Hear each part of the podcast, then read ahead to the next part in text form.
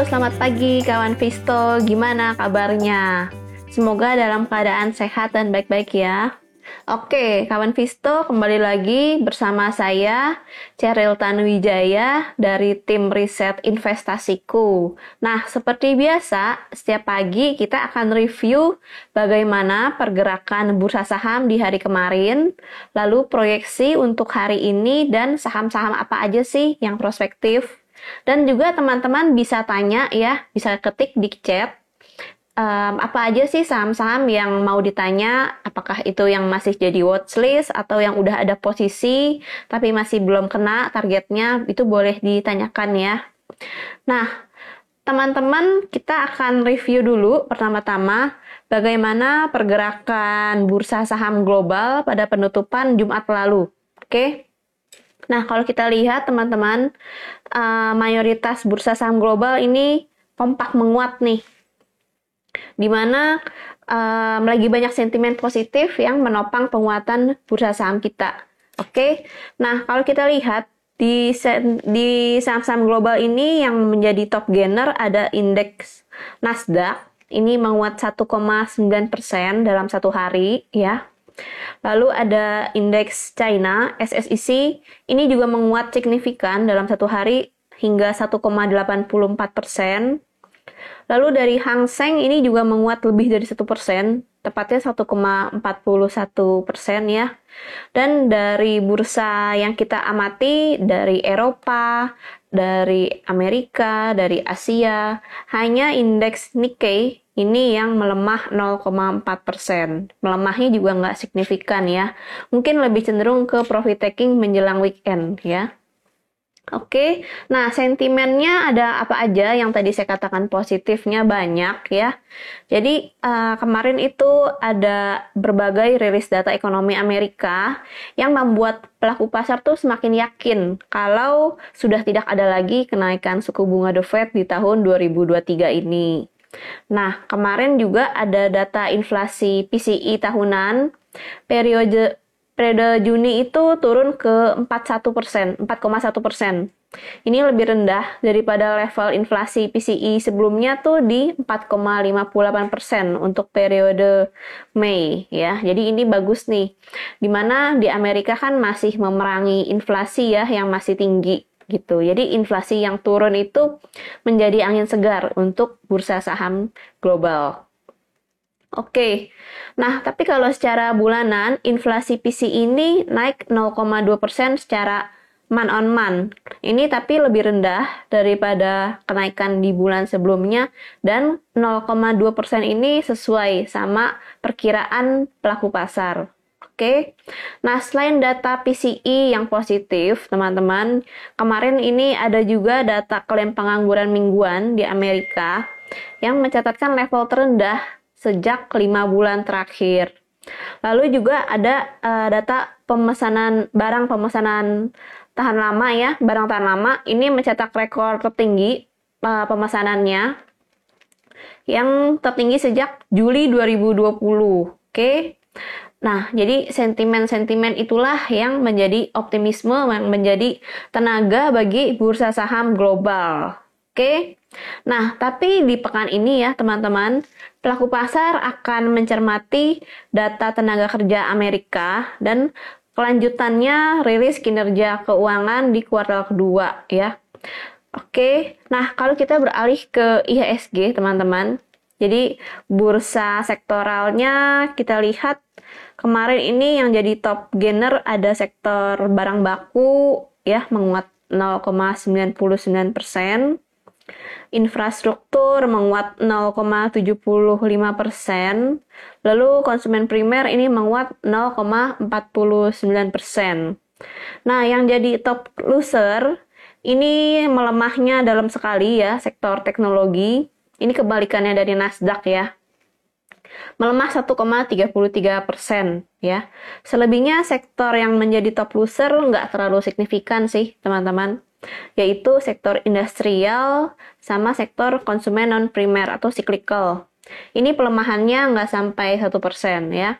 Jadi sektor teknologi ini uh, melemah ya karena terbebani sama uh, pelemahan saham DCII dan MTEK ya di mana mereka itu masing-masing punya bobot yang besar untuk sektor teknologi ya. Itu lebih dari 10% bobot mereka masing-masing. Dan juga bobotnya besar untuk IHSG ya. Makanya kalau kita lihat di hari Jumat kemarin itu IHSG bergerak sangat volatile. Level terendah IHSG itu kemarin sampai ke level di bawah 6900 teman-teman sampai ke 6.857 tapi untungnya closingnya tuh masih bisa di level 6.900 ya. Oke. Nah um, investor asing di hari Jumat kemarin itu dalam satu hari mencatatkan aksi jual yang signifikan hingga 725 miliar rupiah dalam satu hari. Kalau kita lihat lebih rinci, saham-saham yang paling banyak dijual sama asing itu ada Bank BCA, Telkom, Bank BNI, ASI ya, Astra Internasional, lalu Bank BRI ya. Tapi meskipun secara harian mereka jual, tapi secara akumulasi mingguan, investor asing itu uh, masih total net buy sebesar 997 miliar rupiah ya. Lalu secara mingguan juga IHSG kita tuh masih menguat uh, lumayan oke okay, penguatannya, yaitu sebesar 0,28 persen. Oke, okay. sentimennya apa aja di hari Jumat kemarin? Jadi masih dari rilis kinerja perbankan yang baik ya, lalu juga rilis emiten big caps yang hasilnya lebih baik daripada perkiraan. Lalu juga masih berlanjutnya penguatan komoditas energi. Ini jadi penopang untuk sektor energi dan sektor bahan baku. Nah, teman-teman kita bisa beralih ke chart IHSG ya. Mungkin udah, udah lihat chart aku. Udah muncul ya teman-teman. Um, ini aku kecilin lagi biar lebih full screen. Nah, jadi kemarin eh putus ya. Oke, udah muncul ya teman-teman chart IHSG-nya. Jadi candlenya ini membentuk candle hammer ya di hari Jumat kemarin closingnya. Di mana kemarin IHSG tuh sempat melemah lumayan signifikan di awal market ya, menguji level support di 6000 850-an, tapi berhasil rebound di 6.900 ya. Lalu ini candle hammer itu kan candle reversal ya teman-teman, yang artinya kalau dia tuh habis melemah, berarti ada potensi penguatan lanjutan untuk hari ini artinya ya. Jadi untuk hari ini kita lihat IHSG berpotensi lanjut menguat ya dengan range 6850 dan resisten 6940. Oke, teman-teman. Nah, kita masuk ke rekomendasi saham yang pertama, ya. Oke, ada ICBP. Oke. Nah, soal hammer, si ICBP ini membentuk pola hammer juga nih teman-teman ya. Jadi kita lihat dua minggu terakhir ICBP ini memang koreksi ya berturut-turut koreksi ini. Akhirnya muncullah beberapa candle reversal dalam tiga hari berturut-turut ya. Tapi yang paling confirm itu yang terakhir ya teman-teman candle hammernya. Lalu posisinya juga strategis karena di level lower Bollinger Band ya didukung sama uh, indikator momentum yaitu RSI stokastik yang berada di jenuh jual. Jadi kita bisa buy ICBP di harga 11.150 sampai 11.200. Take profit di 11.600. Stop loss-nya di 10.975. Oke. Itu yang pertama. Lalu yang kedua, rekomendasi kita ada Unilever. Ya, Unilever memang kemarin melaporkan kinerja kuartal kedua yang uh, kurang baik ya, kurang sesuai harapan. Tapi kita lihat nih teman-teman, uh, koreksinya tuh dalam sepekan udah signifikan sampai membuat uh, indikator momentum RSI stokastiknya itu jenuh jual. Lalu kemarin juga di hari Jumat ini udah menguat nih ya, menguat 0,78%. Jadi bisa jadi candle trigger untuk bullish hari ini. Lalu candle di hari Jumat kemarin ini juga membentuk candle reversal ya, candle spinning top. Oke, jadi kita bisa buy Unilever di harga 3.800 sampai 3.830 ya. Targetnya di 4.150. Stop loss di 3.750. Itu untuk Unilever ya. Lalu yang ketiga ada Wins, Wintermar Offshore Marine, TBK. Oke. Nah, teman-teman kita lihat si wins ini muncul sinyal buy ya dari indikator momentum baik dari MACD maupun dari RSI stokastiknya itu membentuk pola golden cross ya. Lalu volumenya juga meningkat nih di hari kemarin ya. Kita bisa buy wins di level 360 ya di area-area support 360 sampai 366 take profit di 390 stop lossnya di 350 ya. Oke.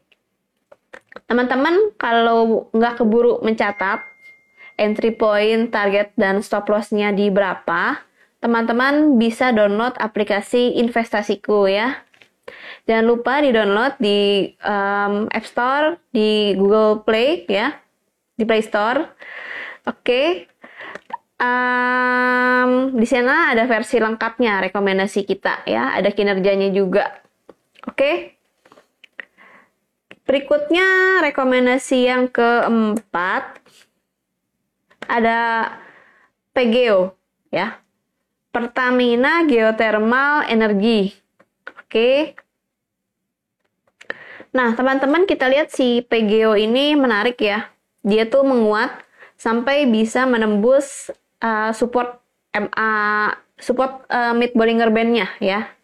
Support mid Bollinger Band di garis tengahnya. Lalu indikator momentum juga menunjukkan sinyal buy yaitu di MACD-nya Golden Cross ya. Memang juga yang harus kita cermati um, RSI stokastiknya ini sudah dekat sama level jenuh beli. Itu yang perlu di uh, hati-hatikan. Oke. Okay? PGO ini kita bisa buy di 790 sampai 800. Lalu take profit di 850. Stop loss-nya di 770. Oke. Rekomendasi yang terakhir, teman-teman, MBMA ya. Oke. Nah, MBMA ini memang masih fresh ya, masih baru IPO, belum ada satu kuartal. Dia IPO nih um, 18 April ya. Oke, meskipun harganya belum balik ke harga IPO MBMA ya, tapi kita lihat uh, penurunan MBMA dalam satu bulan terakhir ini bisa kita manfaatkan untuk jadi momentum beli nih. Kenapa? Soalnya dia kemarin udah membuat candle trigger untuk penguatan di hari ini setelah level terendahnya itu menguji support dari lower Bollinger Band ya. Jadi dia udah masuk lagi nih ke dalam Bollinger Band. Dari RSI stokastik ini juga udah di area beli ya. Udah hampir di area beli tepatnya. Sekarang masih di area jenuh jual. Kita bisa buy MBMA ini di harga 700 20 sampai 730 ya. Take profit di 765, stop loss di 700. Nah, teman-teman, berhubung kita masih ada waktu ya, kita mau bahas beberapa berita dari hasil earning nih. Kan lagi musim earning ya, teman-teman. Oke, Uh, berita yang pertama kita kita pilihkan ya eh, sahamnya yang paling volatile, yang paling rame transaksinya itu salah satunya dari si Telkom nih teman-teman. Oke. Nah, jadi Telkom tuh ada berita ya, di mana pendapatannya itu sebesar 73,47 triliun, laba bersihnya 12,75 triliun. Ya, memang besar ya teman-teman, sekian triliun. Nah, tapi kalau dari sisi um, laba bersih ya, itu Telkom ada penurunan gitu ya, penurunan tipis memang. Meskipun kalau dari sisi pendapatan ini juga naik tipis ya 2,07 persen. Tapi sisi pendapatan net income Telkom ini mengalami penurunan ya Telkom. Jadi makanya akhir-akhir ini banyak teman-teman yang bertanya-tanya kenapa nih kok Telkom jadi downtrend ya? Ternyata ya ada berita di balik harga kayak gitu ya teman-teman. Oke, nah pasti pertanyaan berikutnya, terus kita mau koleksi Telkom di harga berapa dong kalau gitu ya? Nah teman-teman yang trader ya. Bisa lihat ya, sekarang ini Telkom tuh udah keluar dari Bollinger Band ya, di bagian bawah nih.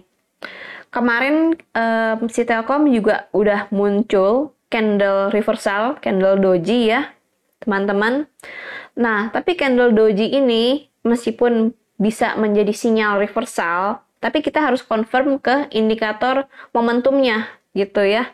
Kita lihat Sayangnya, dari RSI stokastiknya tuh masih ada ruang untuk si Telkom tuh turun lagi. Jadi masih belum jenuh jual nih si Telkom, gitu ya.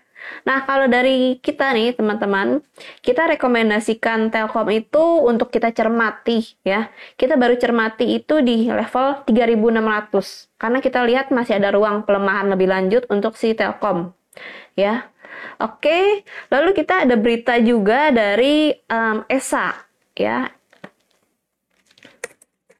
Emiten ESA, Surya ESA Perkasa, ya. Ini labanya turun 94% year on year di semester 1 2023 ya. Turun signifikan ya, teman-teman.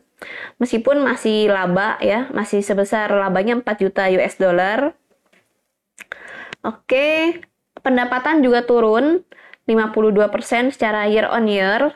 Nah, tapi menariknya teman-teman kita lihat uh, ESA ini memang sebenarnya masih uptrend ya. Meskipun turun juga dia kan masih labanya tuh masih signifikan dibandingkan tahun-tahun sebelumnya kayak gitu ya. Ini si ESA, kita lihat sekarang lagi di area support uptrend line-nya, uptrend line-nya si ESA ya.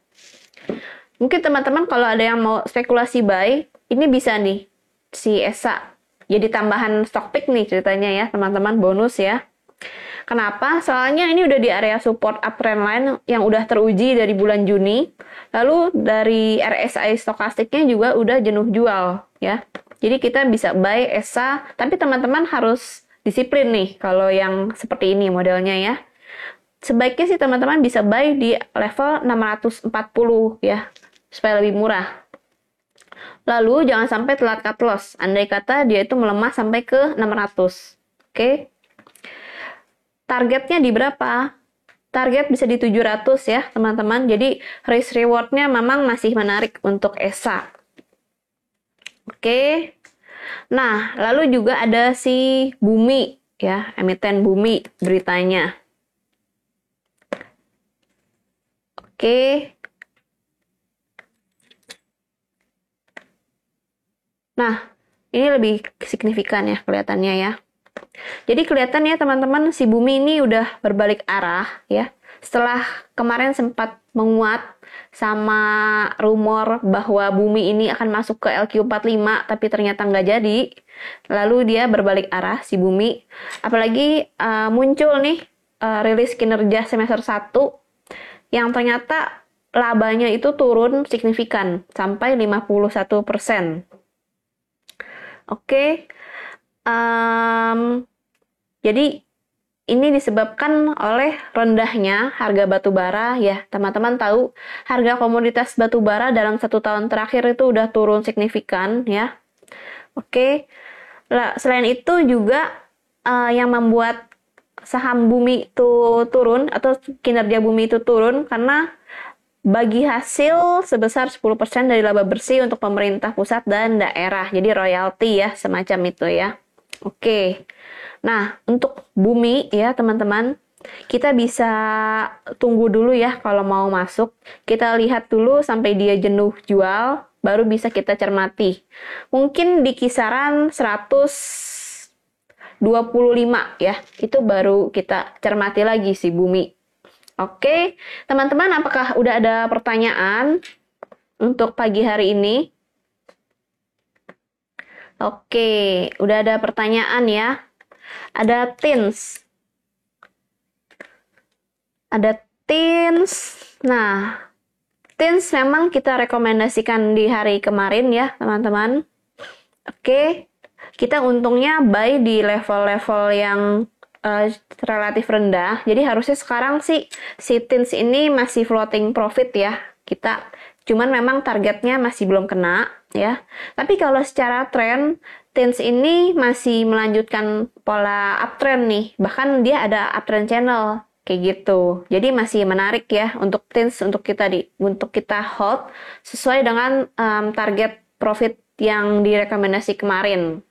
Oke, kalau mau beli lagi gimana? kalau mau beli lagi jangan dulu ya. Kalau menurut aku sih udah cukup dengan posisi kemarin ya.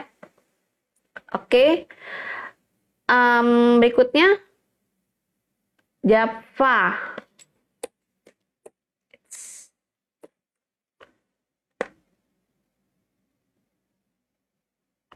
Oke, Java. Java kelihatan menarik ya, memang Oke, nah kalau di Bollinger Band, Java nih lagi keluar di area low, lower Bollinger Band nih teman-teman ya. Secara RSI stokastik dia juga udah golden cross ya. Cuman di atasnya di level closing kemarin itu ada ditahan sama MA5 ya. Mungkin baiknya kita kalau mau beli uh, bisa di level-level 1300 ya. 1300 target di 1350 kayak gitu untuk si Java. Yang terakhir mungkin ESA tadi udah kita bahas ya teman-teman. Kebetulan juga ESA itu ada berita yang kurang bagus terkait kinerjanya. Oke, ESA ini masih uptrend ya. Oke, ESA ini masih uptrend ya. Kalau kita lihat Oke, um, jadi kalau teman-teman masih punya atau baru mau masuk, bisa spekulasi buy sih, ya bisa spekulasi buy karena dia sekarang lagi di kisaran area support uptrend lainnya si ESA kayak gitu oke? Okay? nggak berasa teman-teman udah tinggal beberapa menit lagi opening market ya. Terima kasih banyak teman-teman untuk partisipasinya di IG Live pagi hari ini. Semoga cuan dan sehat selalu. Kita ketemu lagi besok ya teman-teman. See you